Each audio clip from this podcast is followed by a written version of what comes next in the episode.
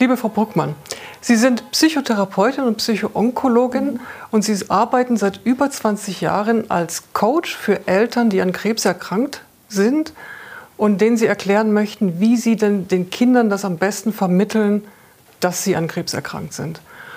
Und heute wollen wir dann als erstes einmal sprechen wirklich über die ganz kleinen Kinder, die also zwischen Säugling und zweiten Lebensjahr. Mhm. Und da frage ich mich, was verstehen die denn überhaupt? Gar nichts. Gar nichts, oder? Ganz einfach. Mhm. Ja. Für Kinder in dem Alter ist es nur wichtig, dass die Regelmäßigkeit haben. Mhm. Das heißt, die müssen erstmal überhaupt nichts wissen. Die können vielleicht wissen, die Mama oder der Papa, die haben, die haben da ein Auer und äh, deswegen passiert da jetzt irgendwas, sie werden operiert oder kriegen Medikamente. Aber eigentlich ist für die in dem Alter nur wichtig, dass die wirklich eine regelmäßige Versorgung haben. Mhm.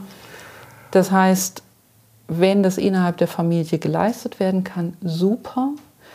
Wenn das nicht geht, auch eine Familienhelferin. Aber das Wichtige ist wirklich die Routine, das ganz Normale.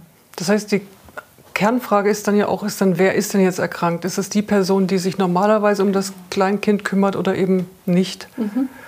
Und wenn es jetzt Sagen wir, fangen wir mal mit dem positiveren Fall an, wenn es jetzt nicht die Person ist, die sich normalerweise um das Kleinkind kümmert. Was ist denn dann das Wichtigste?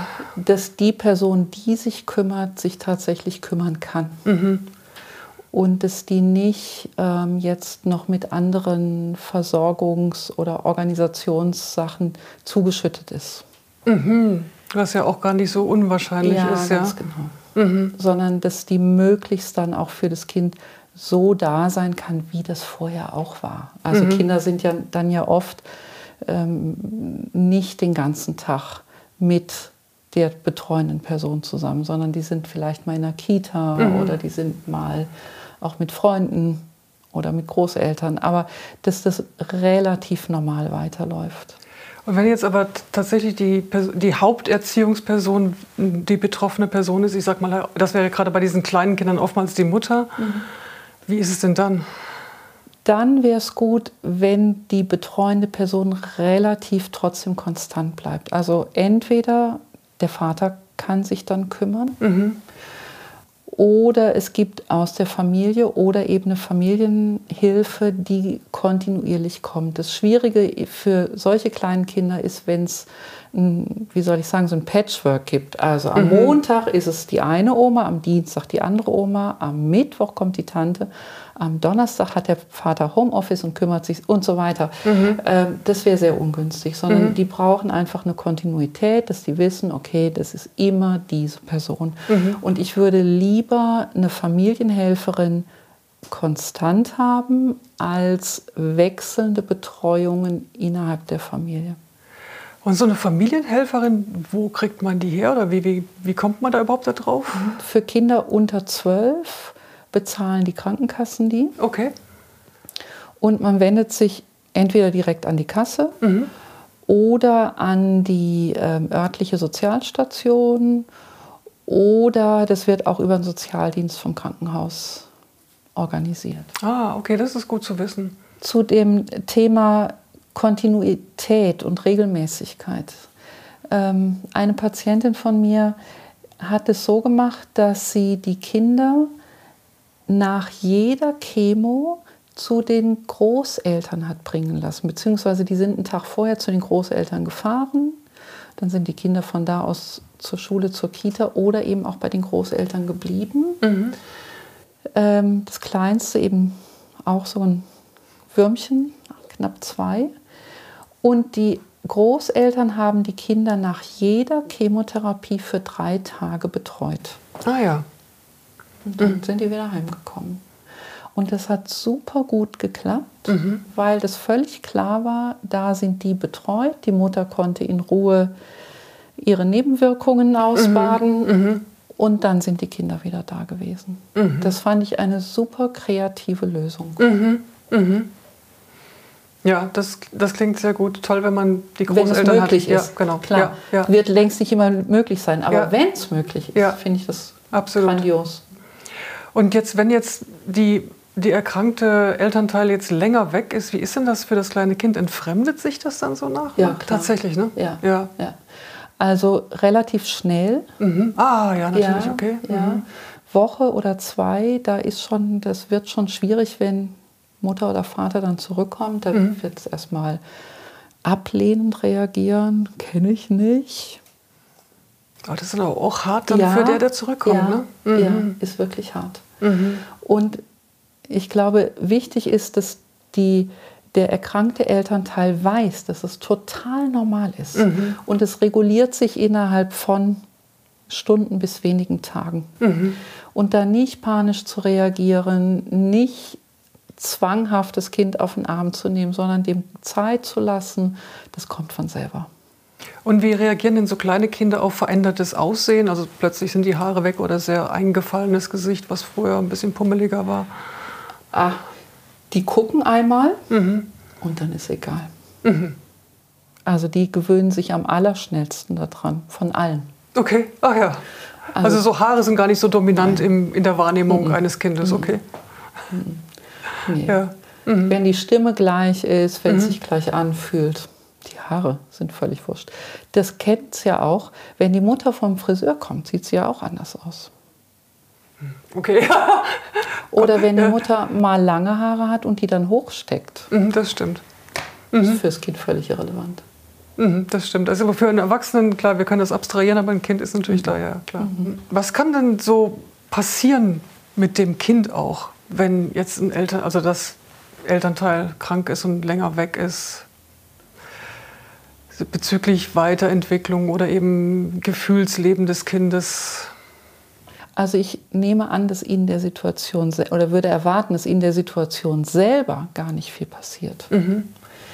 Ähm, das kann schon sein, dass das Kind ein bisschen Rückschritte macht. Mhm. Also das ist schon trocken gewesen, jetzt fängt es auf einmal wieder an einzunässen. Mhm. Ähm, aber meine Erfahrung ist, wenn die Eltern das hinkriegen, dass die wirklich eine einigermaßen ruhige, kontinuierliche ähm, Betreuung organisiert kriegen, da passiert überhaupt nicht viel. Mhm. Also Kinder sind erstaunlich robust. Zum Glück. Immer wieder überraschend. Mhm. Nicht? Es ist tatsächlich so, dass eben diese Verletzlichkeit gepaart ist mit einer Robustheit in Ecken, wo man es eigentlich gar nicht erwartet. Mhm. Ne? Mhm. Ja, das stimmt. Worauf ja. die natürlich schon reagieren, ja. ist, wenn Panik auftaucht. Mhm. Also nicht bei dem Kind, mhm. aber bei den Eltern. Mhm. Also wenn die Eltern sehr aufgeregt sind und, und Angst haben vor dem, was kommt und sich das transportiert, das ist schwierig. Dann wird das Kind auch aufgeregt sein. Ich erinnere mich an, an einen kleinen Jungen, der in dem Alter dann aufgehört hat zu essen. Er hat einfach nicht mehr gegessen, was mhm. natürlich für die Eltern ziemlich schwierig war. Und als wir dann darüber gesprochen haben, ist eigentlich klar geworden, dass die, dass die Mutter so unter Strom gestanden hat, mhm. dass dem Kleinen ist der Magen zugegangen. Und mhm. ich habe dann mit der Frau Entspannungsübungen gemacht, habe ihr gezeigt, was sie tun kann, während sie das Kind füttert. Hat dann noch ein paar Tage gedauert und dann ging es aber auch besser. Also mhm. das war wirklich eine Reaktion auf ihre Anspannung. Ja. Und als sie dann einigermaßen entspannt war, hat sich das Kind auch ganz schnell wieder eingekriegt. Mhm. Ah, das ist mhm. der Klassiker. Ja, wobei es natürlich tatsächlich oftmals gar nicht so einfach ist, diese Anspannung dann irgendwie ja. zu überwinden. Ne? Ja. ja. Mhm. mhm. Und ist auch eine große Aufgabe. Ja. Mhm. Kann aber auch helfen, Klar. Weil die Eltern müssen das an der Stelle einfach. Ja. Runterkommen, ruhig werden, ausatmen Jetzt Kind, keine Chemo. Mhm. Genau, jetzt hatten wir ja auch ein bisschen gesprochen über diese Entfremdung. Jetzt sind wir ja heutzutage in Hightech rauf und runter. Ich, wie ist es denn, hilft es dann zum Beispiel, eine Videotelefonie mit dem Kind zu machen, dass das Kind den Elternteil nicht nur hört, sondern sogar sieht? Oder ist das ja. etwas, was nicht so richtig hilft? Kann man machen. Ja. Ich, meine Erfahrung ist, ändert nicht furchtbar viel. nee. weil die patschen dann auf dem Bildschirm rum. So. Das ist irgendwie komisch, ja, ja weil Mutter okay. ist, ist da und trotzdem nicht, nicht da. Die ja. Stimme ist da, aber irgendwie auch anders. Ja. Sie können sie nicht fühlen. Ja. Ähm, kann man tun. Das schadet sicher nicht. Okay. Aber ob es hilft, da hätte ich so meine Zweifel. Ah, okay. Einfach da sind für die, die Kinder Mutter kann das natürlich ja. eine Hilfe sein. Also für die erkrankte Person, ja, genau. Mhm. Also mhm. genau, für mhm. die Person, die am anderen Ende sitzt. Ja. Mhm. Dass die sehen kann, okay. Das Kind ist da, ist da. und ja. Mhm. Genau. Mhm. Für das Kind selber. Okay. Kein Körperkontakt. Keine, ja, natürlich. Das keine ist, Realität. Ja, ja, ja. Ja, das stimmt. Ne? Das ist ja sozusagen für die älteren Kinder, da ist dieses Abstraktionslevel dann schon da, aber für ja. so klein, ganz kleine Kinder, ja, natürlich, genau. ja. Also in dem Alter, da passiert nicht. einfach nicht nee. furchtbar viel. Da ist wirklich diese Kontinuität, das ja. Ruhige, das, wenn die Eltern das machen, dann ist alles gut. Ja, ja. Fürs Kind. Ja. Mhm. Wunderbar. Das heißt also, für die ganz kleinen Kinder ist es sozusagen das Wichtigste, ähm, was zu tun gibt. Also wie Sie es gerade sagten, ne? fürs Kind da sein, selber versuchen, sich zu beruhigen, ruhig für das Kind da zu sein und möglichst konstant für das Kind da zu sein. Und ähm, wir wollen dann auch noch die anderen Altersklassen anschauen. Aber soweit auf jeden Fall schon mal herzlichen Dank, Frau Bruckmann. Ähm, und bleiben Sie dran. Wir haben auch noch die anderen Altersklassen, die wir gerne auch noch vorstellen möchten. Ach ja, bitte geben Sie uns Feedback zu dieser Episode unten in den Kommentaren. Wir möchten unsere Angebote immer besser machen. Wenn Sie also konkrete Fragen haben und Sie bestimmte Themen besonders interessieren, lassen Sie es uns unter dem Video oder per Mail wissen. Und übrigens, abonnieren Sie unseren Kanal, dann verpassen Sie keine weitere Folge.